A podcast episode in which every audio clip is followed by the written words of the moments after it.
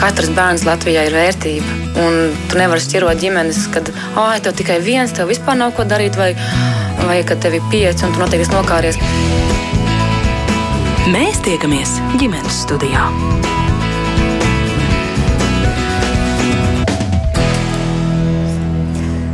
Labdien! Savu skanējumu sāk Latvijas radio viens ģimenes studija un turpmāko stundu ar jums kopā šeit būs es Agnese Linka, kā arī viss šī raidījuma radošā komanda. Gaidot labdarības maratonu dod pieci, šodien mēs interesēsimies par tehnisko palīgu līdzekļu pieejamību Latvijā bērniem ar funkcionāliem traucējumiem, par ko maksā valsts un kam finansējums gadu no gada jāmeklē ar ziedotāju labvēlību. Mūžīgā mājasēde - vides pieejamība Latvijā. Jā, statistika liecina, ka Latvijā ar invaliditāti sadzīvo katrs desmitais, ja vairāk nekā 203 tūkstoši cilvēku, tostarp vismaz 36 tūkstošiem ir ierobežots, ierobežots pārvietošanās spējas, gandrīz 3 tūkstošiem ir dzirdes eh, traucējumi. Latvijas vājdzirdīgo atbalsta asociācija gan norāda, ka reālais šo cilvēku skaits ar dzirdes traucējumiem varētu būt vismaz desmitkārt lielāks, bet vairāk nekā 10 tūkstošiem cilvēku ir redzes traucējumi, un starp citu katru gadu šiem skaitļiem ir tendence pieaugt. Tajā pašā laikā vides pieejamība, tostarp publisko ēku un infrastruktūru pielāgošana ir kritiski zema. Tādu nu, sabiedrisko mediju labdarības maratons dod pieci. Šogad izcels vides pieejamības problemātiku cilvēkiem ar funkcionāliem traucējumiem, aicinot sabiedrību ieraudzīt to cilvēku ikdienu, kas eh, saskārušies ar redzes, dzirdes un kustību traucējumiem, un tad maratona laikā saziedotie līdzekļi caur ziedot LV tiks novirzīti līdz cilvēku atbalstam. Pandus un pacēlā ierīkošanai, cilvēku dzīves vietas labiekārtošanai, arī tehnisko palīgu līdzekļu iegādēji un citām vajadzībām, kas saistītas ar vidas pieejamības uzlabošanu ārpus publiskās infrastruktūras. Un tāpēc šajā gadā sabiedriskie mēdīji īpaši uzsvērs ikvienas personas personas tiesības uz iespējami patstāvīgu dzīvi. Un, protams, pāri visam mēs vēlamies ne tikai vākt naudu, bet pievērst sabiedrības uzmanību šai problēmai, un tam veltīt arī sarunu šodien ģimenes studijā. Šoreiz tieši par bērniem un tehniskajiem palīgu līdzekļiem. Kas tie ir, kādi ir un kā ģimenes tos um, iegūst, mēs raidījuma gaitā uzklausīsim arī vecāku pieredzi, bet e, mūsu ekspertu krēslos es šodien sveicinu. Studijā ar mani kopā ir centrs Poga bērnu fizioterapijas vadītāja Egija Bīdiņa. Labdien! Labdien! Un telefoniski šajos ekspertu krēslos sēž Bērnu Kliniskās Universitātes slimnīcas rehabilitācijas klīnikas vadītāja dr. Guna Kristapsone. Labdien! Labdien, es esmu Gunta Kristapsone. Gunta, piedodiet, jā, protams. Ziedot LV bērnu sociālo programmu vadītāja Baiva Drona, viņa arī sociālais darbinieks centrā Poga. Labdien! Labdien! Un arī Nacionālā rehabilitācijas centra Vaiva, arī Vaiva ar tehnisko palīgu līdzekļu centra galvenā ergoterapeite Marina Stūre. Labdien! Labdien! Eh, es gribētu sākt ar jautājumu, lai jūs vienu otru papildinot, izstāstat, Kas vispār ir tehniskie palīgi līdzekļi, ko mēs saprotam ar šo vārdu savienojumu? Jā. Varbūt studijas viesņai es došu šeit klātienē pirmo vārdu un kolēģis papildinās. Ja? Labdien visiem radio klausītājiem! Un es eh, varbūt gribētu sākt ar pateikšanos eh, tādu lielu paldies visiem ziedotājiem, kas daudzu gadu garumā ir vākuši ziedojumus eh, un palīdzējuši bērniem tieši šo tehnisko palīdzekļu iegādēji. Pali kas ir tehniskie palīglīdzekļi? Tas ir tāds jautājums, kas tādam vienkāršam cilvēkam ir noteikti neizprotams. Jā, jo es teikšu tā, ka tas skar ļoti, ļoti daudz sfēras bērniem ar īpašām vajadzībām. Un, eh, tā var būt sfēra, kas ir saistīta ar viņu kustību. Tātad ir nepieciešama kaut kāda palīga līdzekļa, lai viņš spētu pārvietoties. Tas var būt saistīts ar viņa mājokli. Tad ir nepieciešama palīga līdzekļi, kas ir vajadzīgs viņa mājoklim, lai viņš varētu sevi aprūpēt un veikt ikdienas darbības.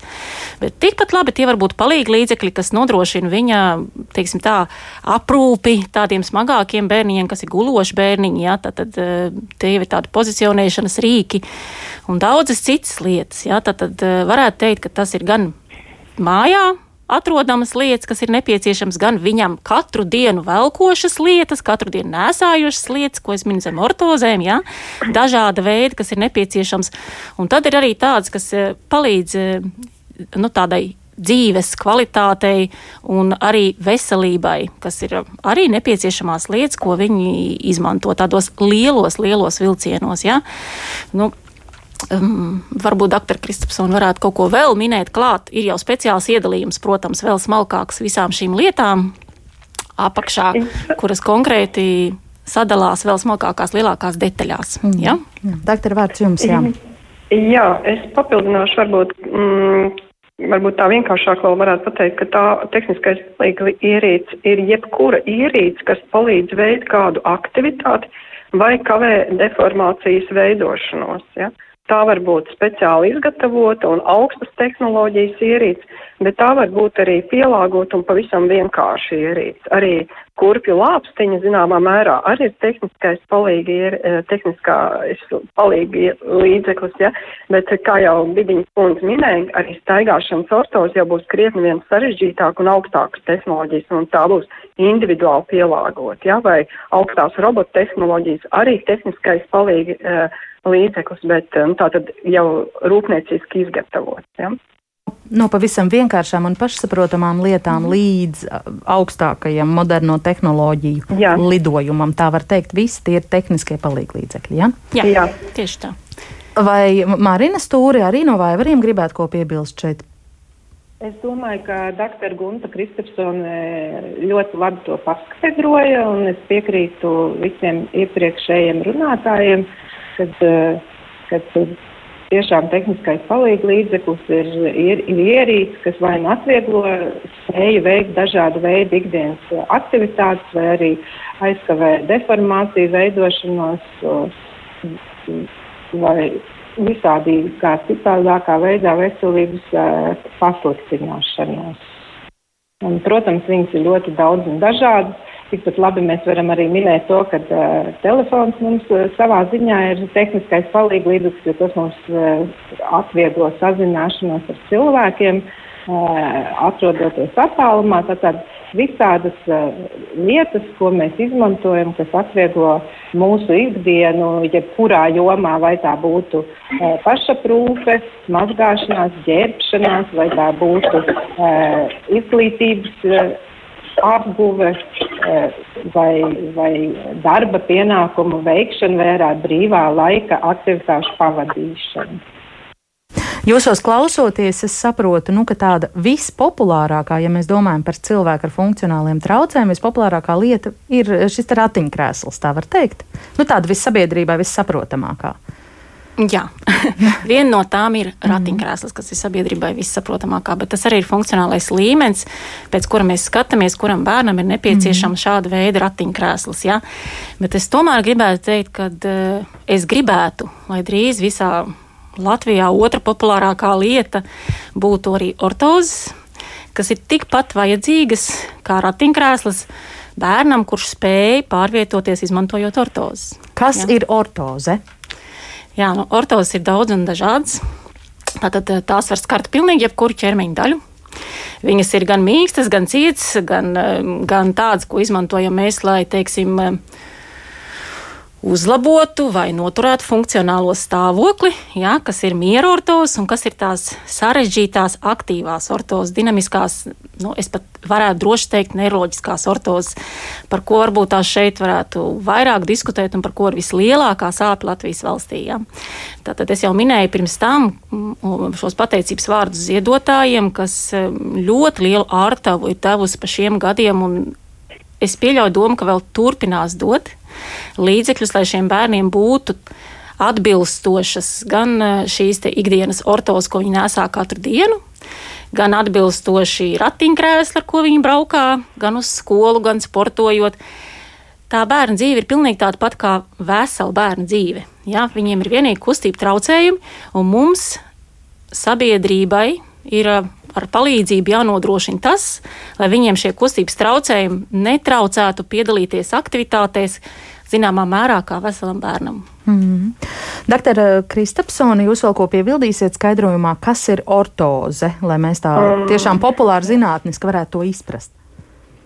Nu, es uh, iedalītu divās grupās. Viens būs ortos, kas kavē deformāciju veidošanos, kā Bidiņas kundze teica, tās var būt uh, cietās mīkstās, ja, un ir dinamiskās jeb aktivitāti atbalstošās uh, ortos, kas būs tātad jau ar kādu mehānismu, kas mm, pieļaus kustības veikšanu. Uh, varbūt tās, kad uh, es domāju, ka uh, no uh, Vaibar tehnisko palīgu līdzekļu centra mums droši vien varēs precīzāk pateikt, uh, cik, kura tad ir populārākā ierīce, jo, nu, es varbūt nepiekrītu, ka tas ir ratiņkrēsls, bet, nu, mums vienkārši ir dažādi specifiki kādus pacientus mēs redzam. Uh, Droši vien, ka viņa mums var atbildēt, kura tad ir vispopulārākā palīga ierīce, ko bērni izmanto.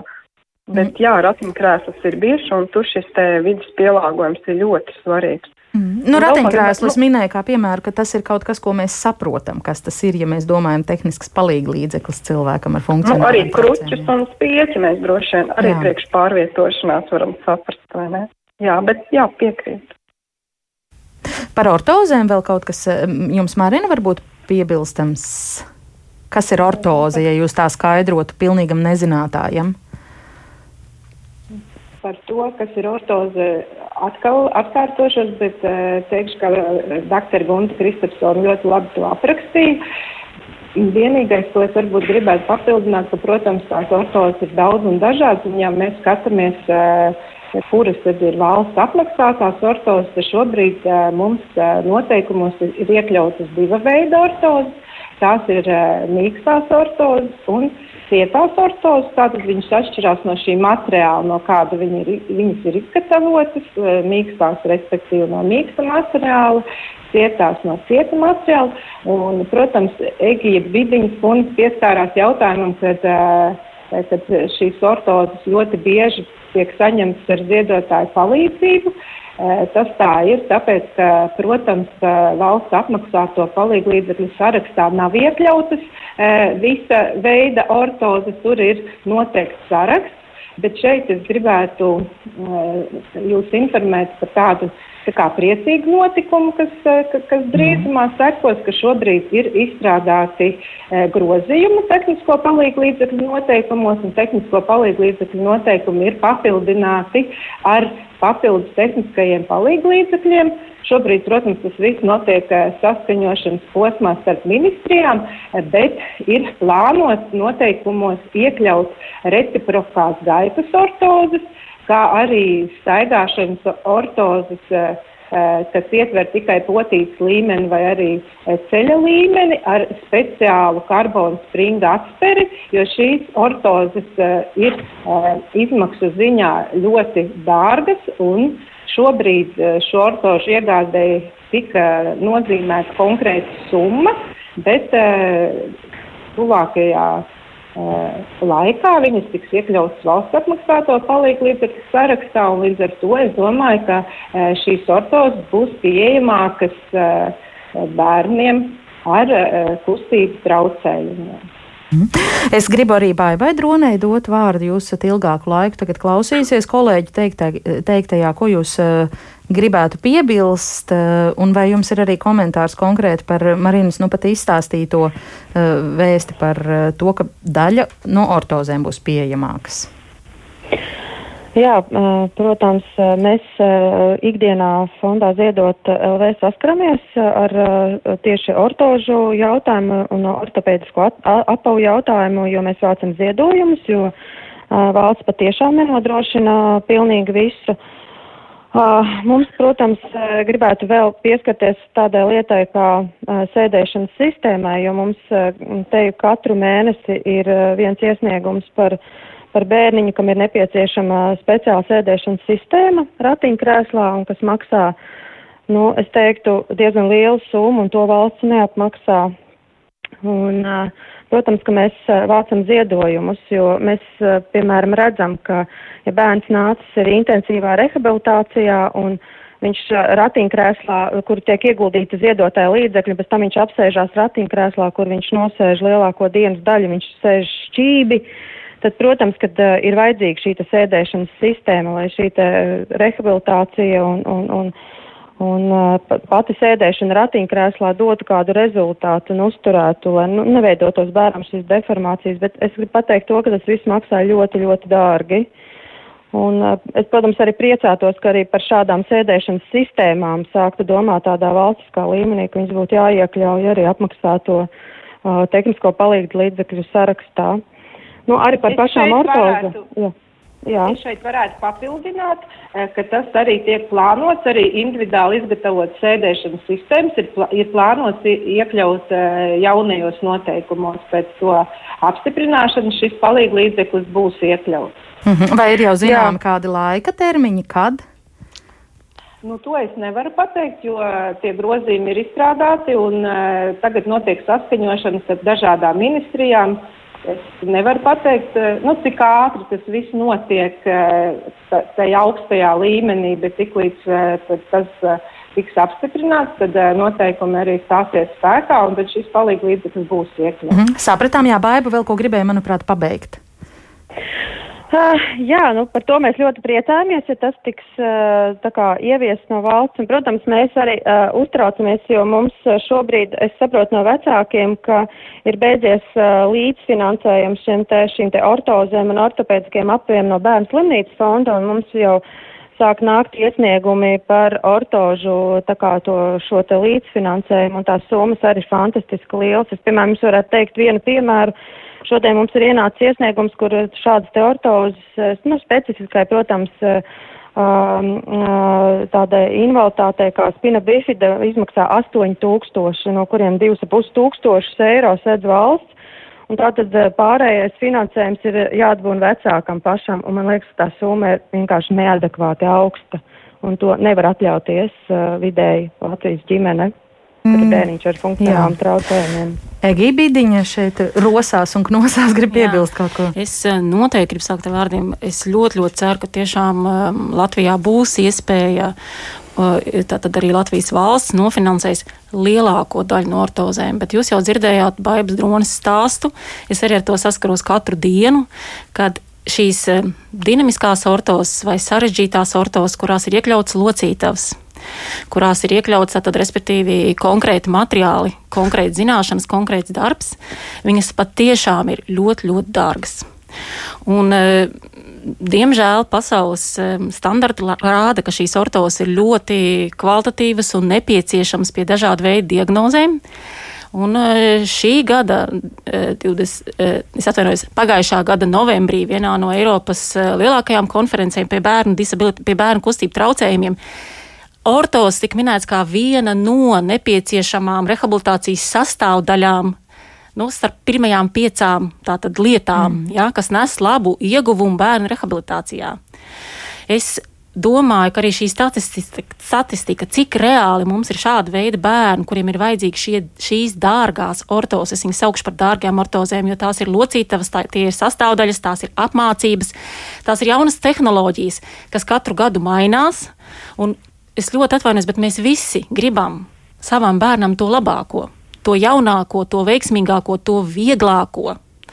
Ja, lai tas notiek ātri, efektīvi un pēc iespējas labāk manam bērnam.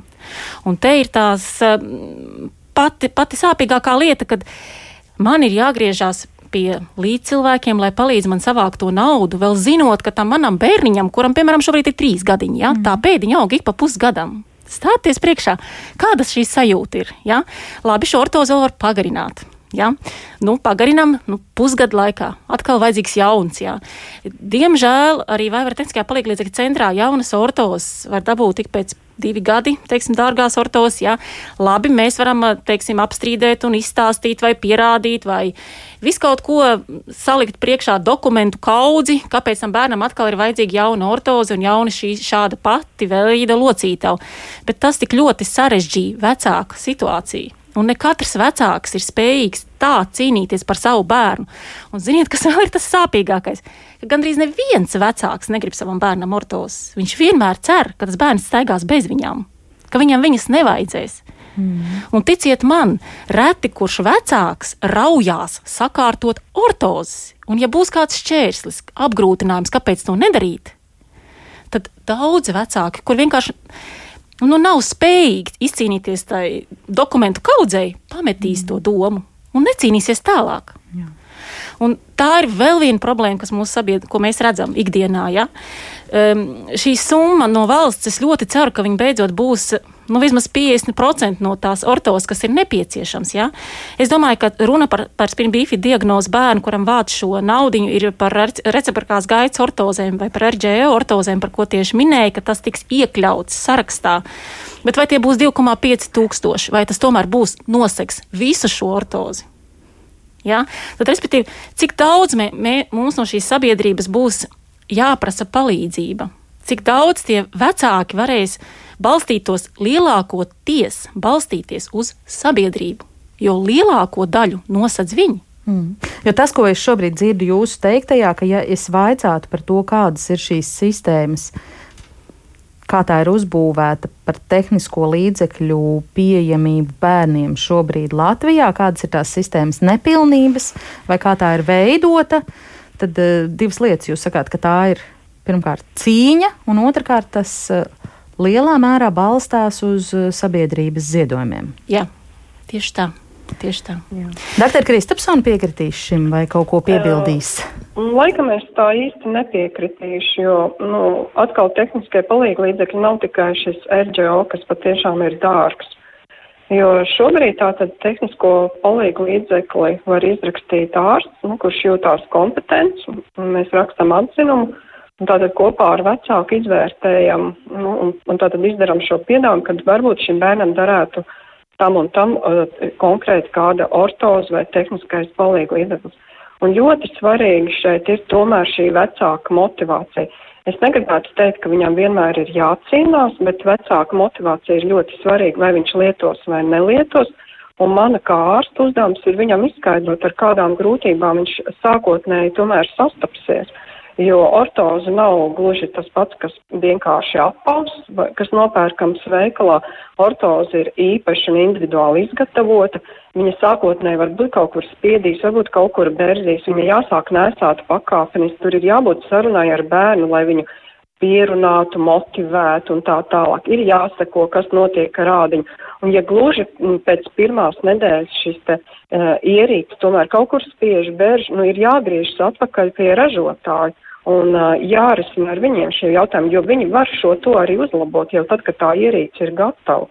Nu, un, protams, ka jāiet atpakaļ pie speciālista, kurš ierīci izrakstīja, lai saprastu kopā ar speciālistu, vai šī ierīce, tā, nu, piemēram, ortozi, vispār pilda savu funkciju. Ja? Tātad, vai viņi ir bijuši pareizi izrakstīti ar pareizo nodomu un ir panākts pareizais rezultāts, par ko mēs plānojam. Ja? Es negribētu to saukt par cīņu. Jā, es piekrītu, tas uh, laiks uh, aizņem daudz, kamēr līdz bērns līdz ortozei tiek, un um, tas tā ir, bet pēc tam, nu, ir jābūt tomēr drusku arī pacietīgiem un jāsaprot, nu, tas nav gluži kā zeķi, uzvilku un aizgāju, nu, tas mm. ir tomēr būtiski. Tad no, nu mēs pēc tam plānojam vienu vai divas konsultācijas atkārtot. Šobrīd man jūsos klausoties, es atvainojos, es uzdošu tā, doktorai papildu jautājumu. Man jūsos klausoties radās jautājums par to, kāda šobrīd ir tā situācija, vai ārsts ņemas izrakstīt to vislabāko, novatoriskāko, varbūt arī visdārgāko, kā Egija teica, vai arī šobrīd ir tā, ka jau izrakstot, jūs esat spiesti domāt par to, um, nu, ka jūs zināt, ka to valsts varēs apmaksāt, tur varēs iekļauties finansējumā un ģimene to varēs iegūt? Uh, nē, es uh, godīgi sakot par naudu diezko daudz nedomāju, jo ir šis te kompensācijas mehānisms. Mēs arī informējam vecākus, ka ja ar to nepietiks, tad diemžēl jāgriežas ziedotājiem un mēs pamatojam, kāpēc un iedrošinam viņus to darīt. Jo, nu, tā kā primāri tomēr izvēlos domāt par šo uh, nu, kāpēc es to ortozi rakstu un ko es ar viņu gribu panākt. Ja? Bet nu, ļoti ir jāizsver, kāda katram bērnam ortozi ir vajadzīga un ko mēs panāksim. Vai viņš sāks staigāt un tāpēc mums vajag erģelu, vai viņš varēs ar viņu pārvietoties tālāk, vai tas būs tikai kā treniņa ierīts, vai varbūt tomēr mēs varam erģelo aizstāt ar stāvēšanas ortozi vienkārši vai ar vertikalizātoru. Vai trešais variants, mēs varbūt viņu varam mudināt apmeklēt pogā vai vaivaros vai citā medicīnas iestādē, kur ir staigāšanas robots un izmantot šīs dārgās tehnoloģijas. Tā kā tas ir ļoti, ļoti individuāls. Nē, es par naudu diezko nedomāju, izrakstot atzinumu. Jūsuprāt, šajā ziņā viss ir kārtībā? Nē, es nedomāju, ka ir kārtībā, bet kā jau uh, Uh, iepriekš mēs runājām par, pieminējām sēdvirsmas, pieminējām RGO. Nu, nav ko liekties, tas ir tikai šai valsts mums šobrīd to paredz un ir plānojis uh, palielināt finansējumu šiem ierīcēm, tāpēc, ka ārsti, speciālisti ir šīs ierīces pacientiem rakstījuši un valstī ir nācies pateikt, mēs to neapmaksājam. Ja? Tā kā ir pieprasījums, valstī jādomā, kā tagad to apmierināt ja mēs neko tādu nerakstītu, es domāju, ka mēs jau, šo, jo, nu, jo, joprojām nekādas sēdvirsmas neredzētu. Ja? Jā, Tādiem tā bija. Jā, jā. Vecākiem jāiet cauri šim posmam. Ja? Baiba, jūs vēl gribējāt ko iestarpināt, manuprāt, pirms mirkļa? Uh, jā, es gribēju vienkārši iestarpināt, jo es arī kā sociālais darbinieks uh, runājot ar ģimenēm un, un ļoti bieži arī palīdzu aizpildīt uh, šīs te dokumentāciju arī par ortozēm, sēdēšanas sistēmām. Uh, gribēju teikt arī par to, ka ka ļoti smagnēja tāda birokrātiska komunikācija notiek starp Vaivaru tehnisko palīgu līdzekļu centru un, un vecākiem, jo tās vēstules, man, man pat vakar bija māma, kura lūdza iztūkot, ko no viņas prasa. Jo, jo ziniet, es lasu šīs vēstules un liekas, nu, cik sarežģīti var iestādi uzrakstīt vēstuli vecākam, kuram, piemēram, nav augstākā izglītība vai, vai vienkārši nav laika dzīvēt tam. Vienkārši, es domāju, arī mēģināt mazliet uh, mīkstināt šo komunikāciju, nu, darīt, lai cilvēks saprot, rakstīt tā, lai viņš saprot, ko no viņa prasa. Jo, nu, es, tā, protams, ir cita plaša tēma, bet nu, es gribēju arī to izstāstīt, ka šī birokrātija ir ārkārtīgi smaga. Tas vecāks vienkārši paliek dusmīgs, neapmierināts, viņš uh, vaino valsti, bet viņš ir noguris. Tā ir manā, manā ikdienas darbā saskaroties, tā ir vecāku cīņa. Tā ir visu laiku tev par kaut ko jācīnās. Un tad ir tādi, kas ir spēcīgāki, kas ir, mēs viņus saucam par tādiem kā izsitējiem, un ir tādi, kas vienkārši, ai, nevajag, man nevajag to paldies. Marina, komentēsiet, jā, ko par birokrātisko valodu un birokrātisko slogu cīnoties cauri šim? Protams, Vaivaru tehnisko palīdzību centrs strādā pēc ministru kabineta noteikumiem, tātad mūsu darbību regulē tehnisko palīdzību noteikumu. Uh, lai reģistrētos personu rindā, tātad uh, bērns uh, ir jāiesniedz vecāka sagatavots atzinums un ir nepieciešams nu, iesniegums, es atvainojos, un atzinums. Marina, es atvainojos, vai mēs varam lūgt jūs tuvāk klausulē runāt skaļāk? Mēs jūs ļoti slikti dzirdam. Nu, ja jūs varat. Jā, mēģiniet, lūdzu, skaļāk. Paldies. Jā. Nu, tātad stājoties rindā, m, mm, cilvēkam ir jāiesniedz uh, iesniegums un ārstējošā ārsta atzinums, kur tātad ir norādīts uh, uh, nepieciešamais tehniskais palīdz līdzeklis. Un uh, pēc tam uh, cilvēkam tiek nosūtīta atpakaļ vēstule, tātad vai nu šis uh, palīglīdzeklis tiek atmaksāts, vai ir nepieciešami papildus dokumenti. Uh, protams, uh, šie šīs uh, vēstules ir izstrādātas dažādas, un var būt uh, tāda situācija, ka varbūt kaut kas nav saprotams, bet tā pašā laikā ir iespēja piezvanīt uz mūsu centru, un atbildīgais darbinieks vienmēr paskaidro, uh, ka, kādi tad papildus dokumenti ir nepieciešami vai vispār ir nepieciešami, jo es domāju, ka vairāk šie papildus dokumentu iesniegšana ir saistīta ar ortozēm, kuras varbūt ir saņemts ar kompensācijas mehānismu. Tātad tad nevis tajās firmās, ar kurām mums ir noslēgts līgums, bet citās.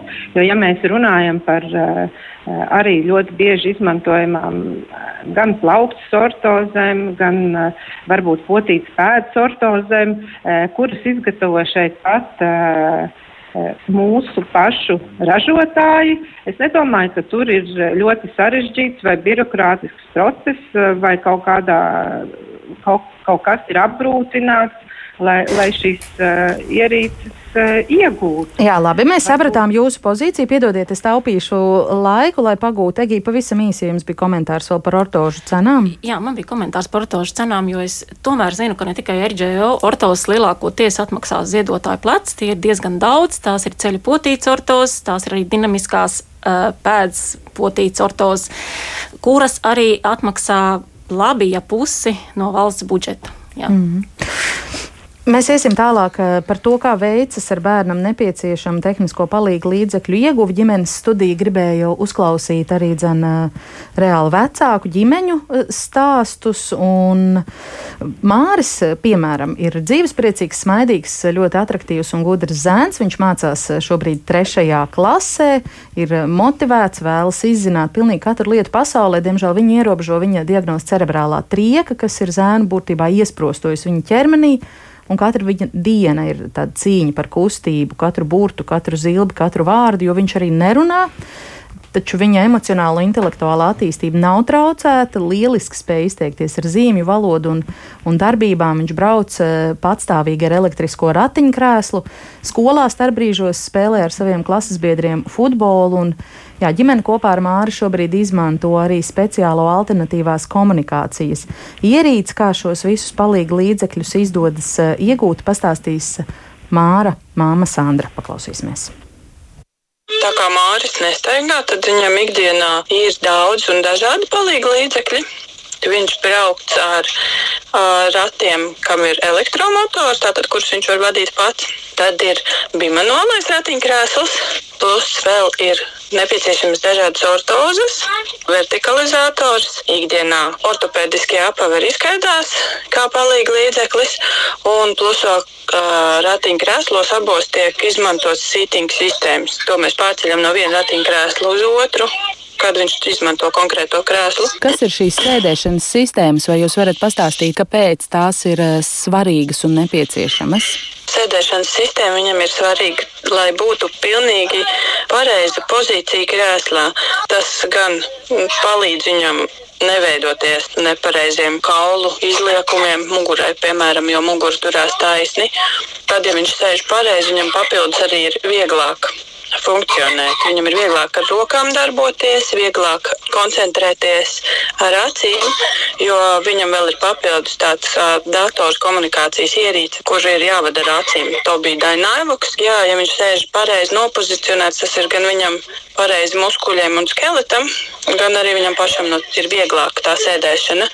Jo pilventiņi, kas nāk līdzi ratiņkrēsliem, nu, ir tādi tā kā plakani, vairāk vai mazāk, un tad viņi neieņem to ķermeņa formu, lai viņš būtu tāds stabils. Kā arī Māra ikdienā, kāpēc viņam ir svarīgas visas šīs palīgi ierīces un pareizais sēdēšanas stāvoklis, ko viņš ikdienā dara, paraksturojiet? Viņš ikdienā dodas uz skolu, kā jebkurš cits bērns, mācās viņš sauksim to kā parastā klasiskā skolā. Viņš nemācās pēc skolām. Par spītam, ka viņam ir diezgan ierobežotas kustības, taču tā kā intelektuāli ar viņu viss ir kārtībā, tad viņš izmantoja datoru, dodas uz skolu. Un skolā, lai viņš varētu koncentrēties un ērti mācīties un darboties, viņam tātad vajag šo pareizo pozu. Tas ir iemesls tādai ikdienai, kāpēc tik daudz tiek izmantotas tieši tā sēdēšanas sistēma. Kā jums ir ar to nokļūšanu, iekļūšanu skolā? Cik skola ir piemērota, pielāgota vide? Piekļuve šobrīd ir ierobežota. Mēs paši, kā vecāki, plānojam uztaisīt uzbrauktuvi, lai mums būtu ērtāk. Pagaidām mums ir jāšķērso daži pakāpieni. Līdz ar to, piemēram, elektrisko ratiņkrēslu mēs neizmantojam mīkstāpās, bet tikai ārtelpās. Jo parastais bimanuālais ratiņkrēsls vienkārši ir vieglāks un ir vieglāk tikt telpās iekšā. Un tad, kad tiek tais telpās iekšā, kā tālāk tur pēc tam viss notiek uh, gludi? Tālāk mums viss ir kārtībā. Jā, mums jau ir iestrādājusies savu sistēmu, mēs esam pieraduši un viss ir kārtībā. Mēs, mums ir ērti. Jo skolu dodos līdzies pati kā asistents Mārim un Māris ir trešajā klasē. Līdz ar to mēs jau tur esam trešo gadu. Cik izmaksā šie palīgi līdzekļi, kas ir nepieciešami un kur jūs tam rodat līdzekļus? Mm, jā, visu, ko mēs varētu, varam iegūt no vai Raiver tehnisko palīglīdzekļu centra. Parasti mēs tad lūdzam ārstiem uzrakstīt mums atzinumus par tehnisko līdzekļu saņemšanu. Pēdējā laikā mēs gan izvēlamies ar kompensācijas mehānismu, jo valsts iepirkumā, kas ir piedāvājumā, nu, viņi nevienmēr ir tā, ka tiešām visiem bērniem der. Labāk būtu, ja tomēr varētu individuāli izvēlēties katram bērnam, kad ir iespēja dabūt kuponu, piemēram, uz ratiem, un tad no ratu klāsta ir iespējams izvēlēties, doties, piemēram, uz firmām un izvērtēt, kurš ratiņkrēsls ir labākais un piemērotākais, lai nav tā, ka mums ir šāds, un citādāk mēs jums nepiedāvājat. Vai nu ņemat šo, vai nu neņemat. Nu, vai arī meklēt iespēju un ņemat caur kompensācijas mehānismu. Katrs bērns tomēr ir savādāk savādāks. Un līdz ar to es uzskatu, tomēr, ka vajadzētu būt iespējai izvēl, izvēlēties šo palīgu līdzekli piemērotu. Bet šobrīd jā, mēs izmantojam kompensācijas mehānismu, kas nozīmē, ka valsts par šo palīgu līdzekli samaksā konkrētu summu, tas, kas ir atbilstoši tād, tādai pašai, kā viņi ir veikuši iepirkumu. Un tad šis palīgu līdzeklis nonāk mūsu īpašumā. Tātad arī visi remonti ir uz mūsu pleciem, nevis vairs uz tā kā vaivar tehnisko palīgu līdzekļu centra. Taču mēs šādā gadījumā varam bērnam dabūt tieši to, kas viņam ir nepieciešams. Tātad ratiņkrēslus mēs šādā veidā noformējām arī vertikalizatoru. Mēs šobrīd gaidām rindā un formēsim šādā pat veidā. Un sēdēšanas sistēma savukārt maksā 3600 eiro. Un šo summu saziedoja Ziedot LV, jo bērns aug ātri un to sēdēšanas sistēmu īstenībā ir diezgan bieži jāmaina, jo vienkārši bērns viņā vairs neietilpst. Kā mums vienmēr šobrīd ir sanācis, ka bērns ļoti, ļoti ātri izstiepās un viņam jau pēc gada sāka kļūt par mazu. Tad vienreiz ir Ziedot LV atbalstu un nākamajā reizē atkal tas ceļš būs tāds pats, kā jūs redzat? Visdrīzāk, ka jā, jo tā summa ir liela, jo iepriekš, cik es sapratu, tika iet uz to, lai valsts varētu šo apmaksāt. Tur firma uh, sazinājās ar Vaivas tehnisko palīgu līdzekļu centru, bet cik pēdējo reizi satiku firmas pārstāvu, viņš teica, ka nu, nē, pagaidām valsts nav gatava šo apmaksāt. Tā kā, teiksim, katru gadu vai katru divus gadus uh, sītingu sistēmu pašiem nopirkt ir pārāk dārgi, jo ir arī daudz dažādu citu izdevumu, kas ir bērnam nepieciešami. Šobrīd jā, izmantojam to, ka līdzcilvēki palīdz.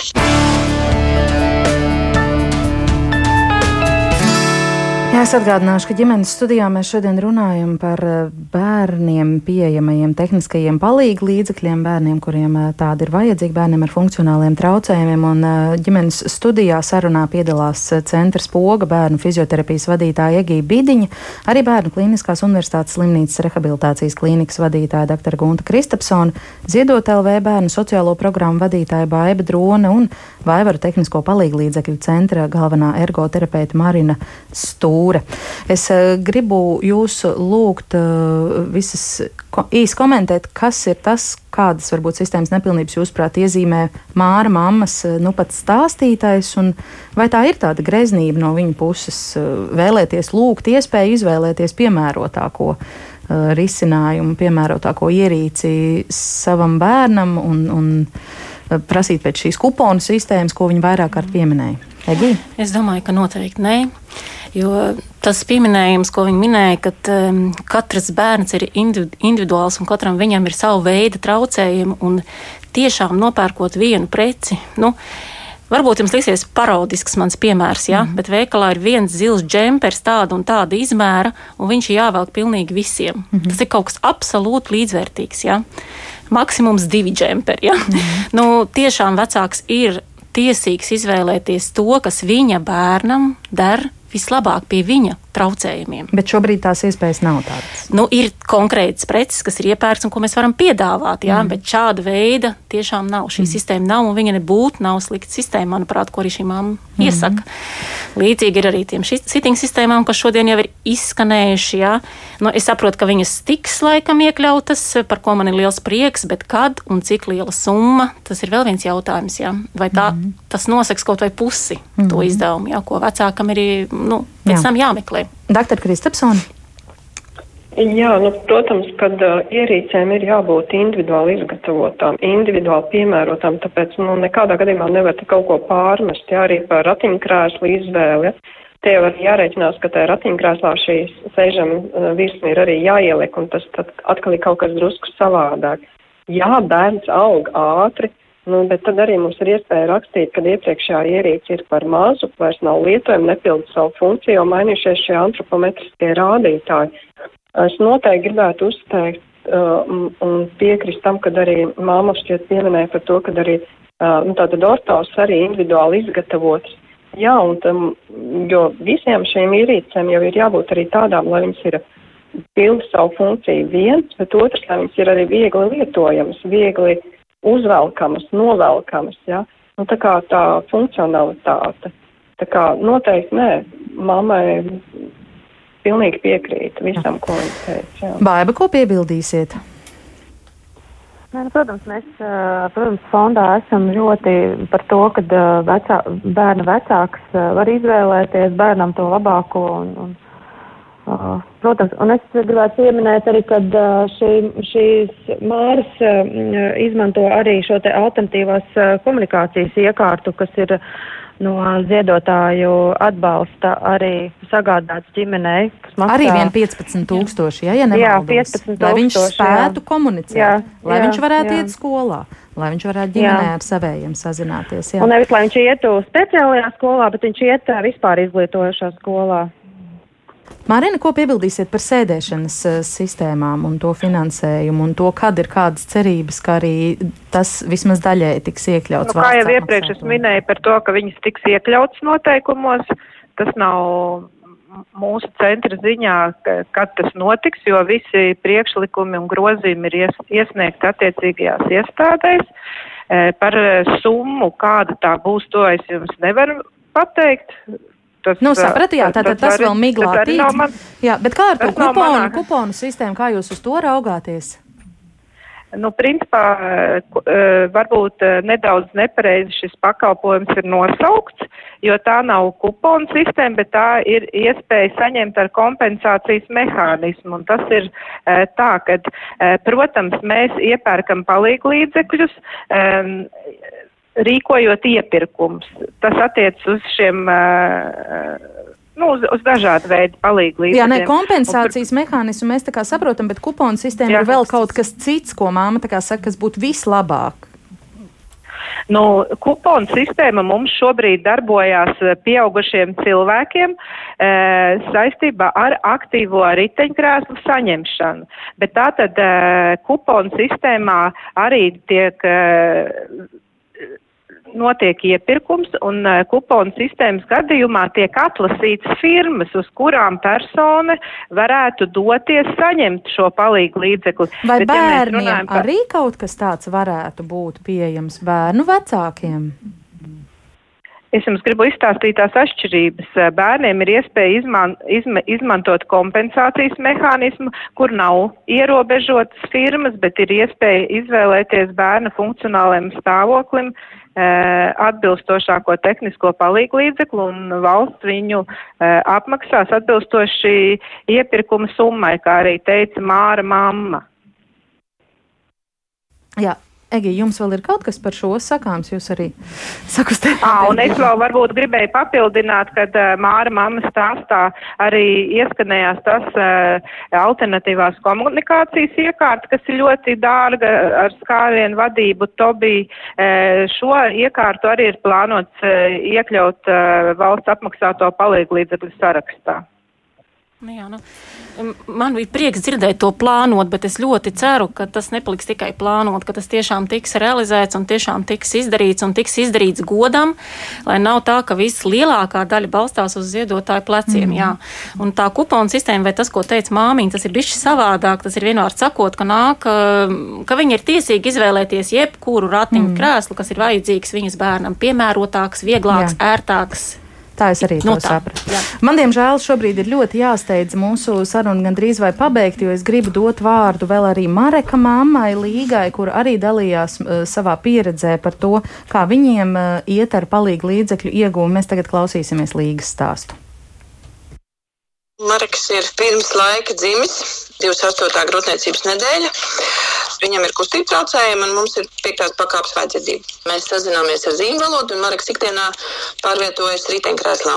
Viņam ir paaugstināts muskuļu tonus, un līdz ar to mums ir nu, diezgan liels problēmas. Mājās pārvietojas uz ceļgaliem. Nu, tas ir vienīgais, kas ir nu, uz kājām, nu tā kā nē, bet nu, uz ceļiem.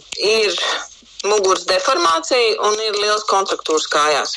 Kontraktūras tas ir, kad ceļgala neizstiepjas līdz galam un pēdas locītava ir, nu, var teikt, 90 grādu leņķī. Nu, tas ir tā, kurpes es varu uzvilkt, bet nu, tā ir liela problēma. Mums ir bijušas, jā, dažna dažādas ortozes, gan kāju izstiepšanai, garākas, īsākas, vis visādas, kādas nu vien ir bijušas, tādas mēs esam lietojuši. Nu, ar to kvalitāti ir visādi kā man te dažs uh, tehniskais ortopēds teica, tos materiālus, ko piešķir valsts, tik kvalitatīvus, kā viņi gribētu, nevar uztaisīt, jo tur tās naudiņas pietrūks. Tāpēc ir mammas, kas ortozes pasūta ārzemēs, tā ir Vācija un Igaunija. Nu, es tā kā tik tālu neesmu tikusi, mēs tikai vienā reizē aizbraucām līdz Igauniem, bet viņi laikam nesaprata, ko es gribēju, nu tad es vērsos tepat Latvijā, bet tas man toreiz izvērtās gada garumā, jo, lai viņi tādus uztaisītu, viņiem pašiem nācās, nu, tā kā pārkāpt sev pāri, cik es sapratu. Nu, tur tās konstrukcijas bija, bet Marks par tām ortozēm īstenībā bija ļoti priecīgs. Bet sakarā ar to, ka viņas tika gadu taisītas,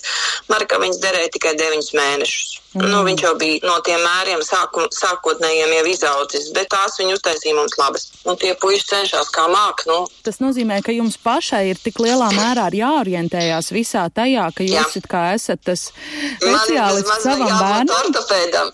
Jā, bez maz vai tā sanāk kādreiz tā, ja tu aizbrauc kaut kur uz ārzemēm, tev ir jāzina, ko tu gribi, kas ir vajadzīgs. Ja tev nav neviens apakšā izstāstījis, iedevis kaut kādu rekomendāciju par to, nu, tas ir tā kā tev iemet augstā ūdenī un tad tu pats peldi un skaties, kas pie kā turās. Mm. Ja tu mhm. vari atrast kādu boju, ir ok, bet ja ne, tad nu, tu pats ķeprojies, kā ir. Viņam ir 16 gadi jau. Es jau sen jau ievēroju, ka viņam nu, deformējās mugura, ir nepareiza sēdēšana, riteņkrēsls nebija īsti piemērots tam, lai varētu tur sēdēt. Un pāris gadus atpakaļ mēs bijām rehabilitācijas centrā Poga, un es jau biju tad jau ievedusi runas, kad Marekam vajag kaut ko, kas viņam nu, stabilizētu, viņam par cik ir visu laiku skolā jāsēž, nu, stabilizētu to muguras, lai tik ļoti nedeformējās, lai viņš man nepaliek uz gultas vispār. Pabeidzot rehabilitācijas kursu, viena no fizioterapeitiem saka, ka viņi saka, Zirot LV rīko tādu kā akciju uz sēdēšanas sistēmām, vai jūs negribat? Es, protams, ka es gribu. Nu, tad mēs pirmo sēdēšanas sistēmu dabūjām caur Ziedot LV, caur Vāciju. Es biju ļoti apmierināta. Mareks arī Pirmkārt, jau viņš vairs neslīdēja tik ļoti laukā no, no riteņkrēsla. Viņam viņš tika pielāgots. Pirmais jau bija jautājums mums, sakiet, lūdzu, no kurienes jums ir rati, kam mēs varam piemērot tos, to sēdēšanas sistēmu.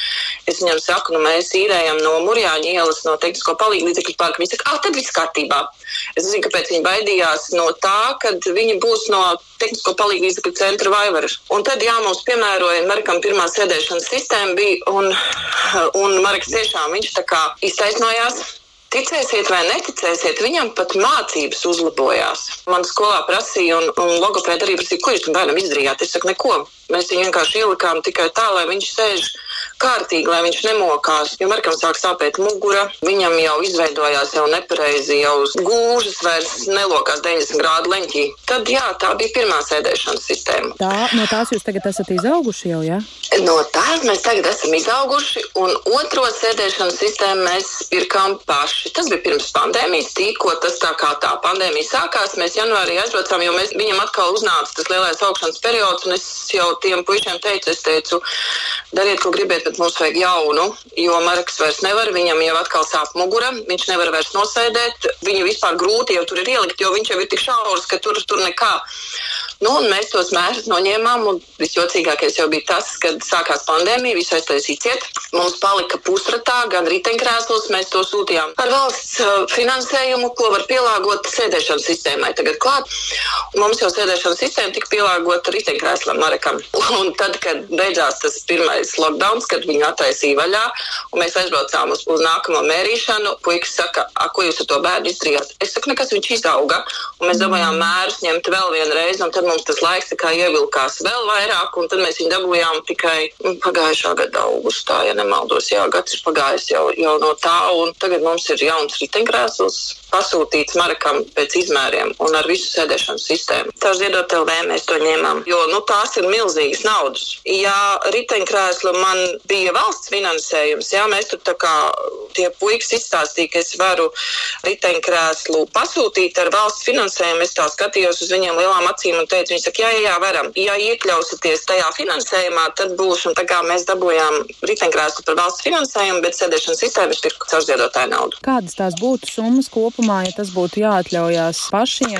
3000. Tā ir tikai sistēma, un tas ir tikai marekam. Ja tur vēl kaut ko vajag klāt, tad tas jau ir drusku vairāk. Jo es zinu māmas, kas ir pirkušas sēdēšanas sistēmu par lielākām naudām. Tās ir lielas naudas. Patiesībā tas ir, tas ir ļoti nepieciešams, it sevišķi pusauģu vecumā, jo tās vajadzības jau nemazinās. Un es saprotu to, ka Marekam viņa būs nepieciešama visu laiku, jo viņš ir garš puika, viņš nav apaļš, viņš ir garš un tievs. Viņam viņš stiepās, nu, parasti bērni tā smuki aug, jā, viņš tā stāv uz vietas, un tad pienāk tāds brīdis, un viņš ļoti izaug, un tad ir reizēm tas, kas ir sasniegts pa to gadu, pusotru, nu, nokrīt atkal atpakaļ, un jāsāk atkal viss ir no jauna ziedot līdzekļi ir ziedot līdzekļi? Vai, vai ir tā sajūta, vai ir tā drošība, ka tad, kad atkal puika paaugsies, ka atkal jūs varēsiet eh, saņemt to nepieciešamo ziedojumu? Nu, tas ir tā laimes spēle. Jo es zinu, ka mēs ortozēm vienā vācām naudu, ilgu laiku garajām lielajām ortozēm naudu, kuras valsts neapmaksāja. Tās jau maksāja gandrīz pār 3000. Man tas gāja ilgu laiku, līdz uh, mums nepieteicās viena biedrība, kura teica, ka apmaksās nu, tās ortozes, to atlikušo summu, un tad jau viss bija tā kā septītajās debesīs. Bet, nu jā, tā ir laimes spēle. Būs, būs, nebūs, nebūs, un cik ilgs laiks tam aizies. Jo nu, tas nav tā, es tagad ielieku, un man tagad tur pēc mēneša vai, vai, vai, vai vēl pēc kaut kāda laika jau būs tā nauda. Tas, tas, tas velkās ilgi. It sevišķi tagad šajā laikā. Un tas ir tā, sēdēt un rakstīt atkal. Es atceros, mēs vācām pirmos līdzekļus Marekam, pirmajiem dzirdes aparātiem. Es sēdēju un domāju, ko lai es tur uzrakstu? Kas ir tas, kas, kas man un, un, un vai tas aizkust? Ai, nāc lai tas aizķers tos pārējos. Nu, paldies Dievam, tur ir meitenes, kas to visu rediģē. Un viņus tur uzraksta tā, ka tu, tur jau var ne tikai raudāt, viena, nu, tur arī naudu var noziedot.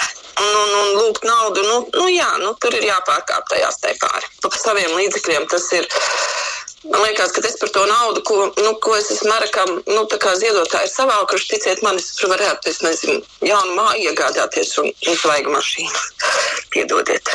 Ir vēl arī tāda lieta, kā dzirdes aparātiem. Par tiem, paldies Dievam, nu, valsts dotie aparāti. Mums tagad ir Marakam pēdējie valsts dotie aparāti. Tie ir, es tiešām nesūdzēšos, cepur nost valstī, kad viņi ir tiešām nu, nonākuši līdz tik ļoti labiem aparātiem, jo pirmie bija diezgan, diezgan mm. pabriesmīgi, kas bija 15 gadus atpakaļ. Man ir trīs valsts dotie, un tad es varu salīdzināt. Bet, nu, ir, runa ir par tām baterijām, kas ir jāpērk.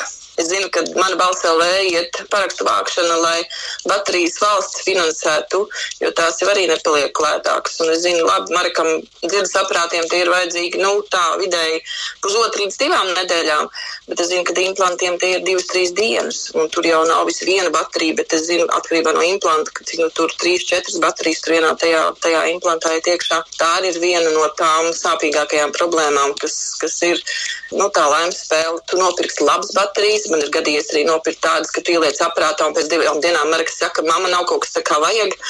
Un es paskatos, tur ir viņas iztecējušas, un, un aparāts ir aizlipis, un tagad mm. tu nesaproti, kā to dabūt ārā un iztīrīt. Un tad iestājās panika. Bet, nu, paldies Dievam, man vīrs ir ar vēsu galvu, un tad viņš tā saka, nomierinies, mēs visu salabosim. Tikai tur lūdzu vairāk ne pēc baterijas. Un tad sākās atkal riņķa dans ar to, kur meklēt atkal jaunas baterijas, lai nebūtu tik dārgas un lai viņas būtu kvalitatīvas. Tur jau ir tā nelaime.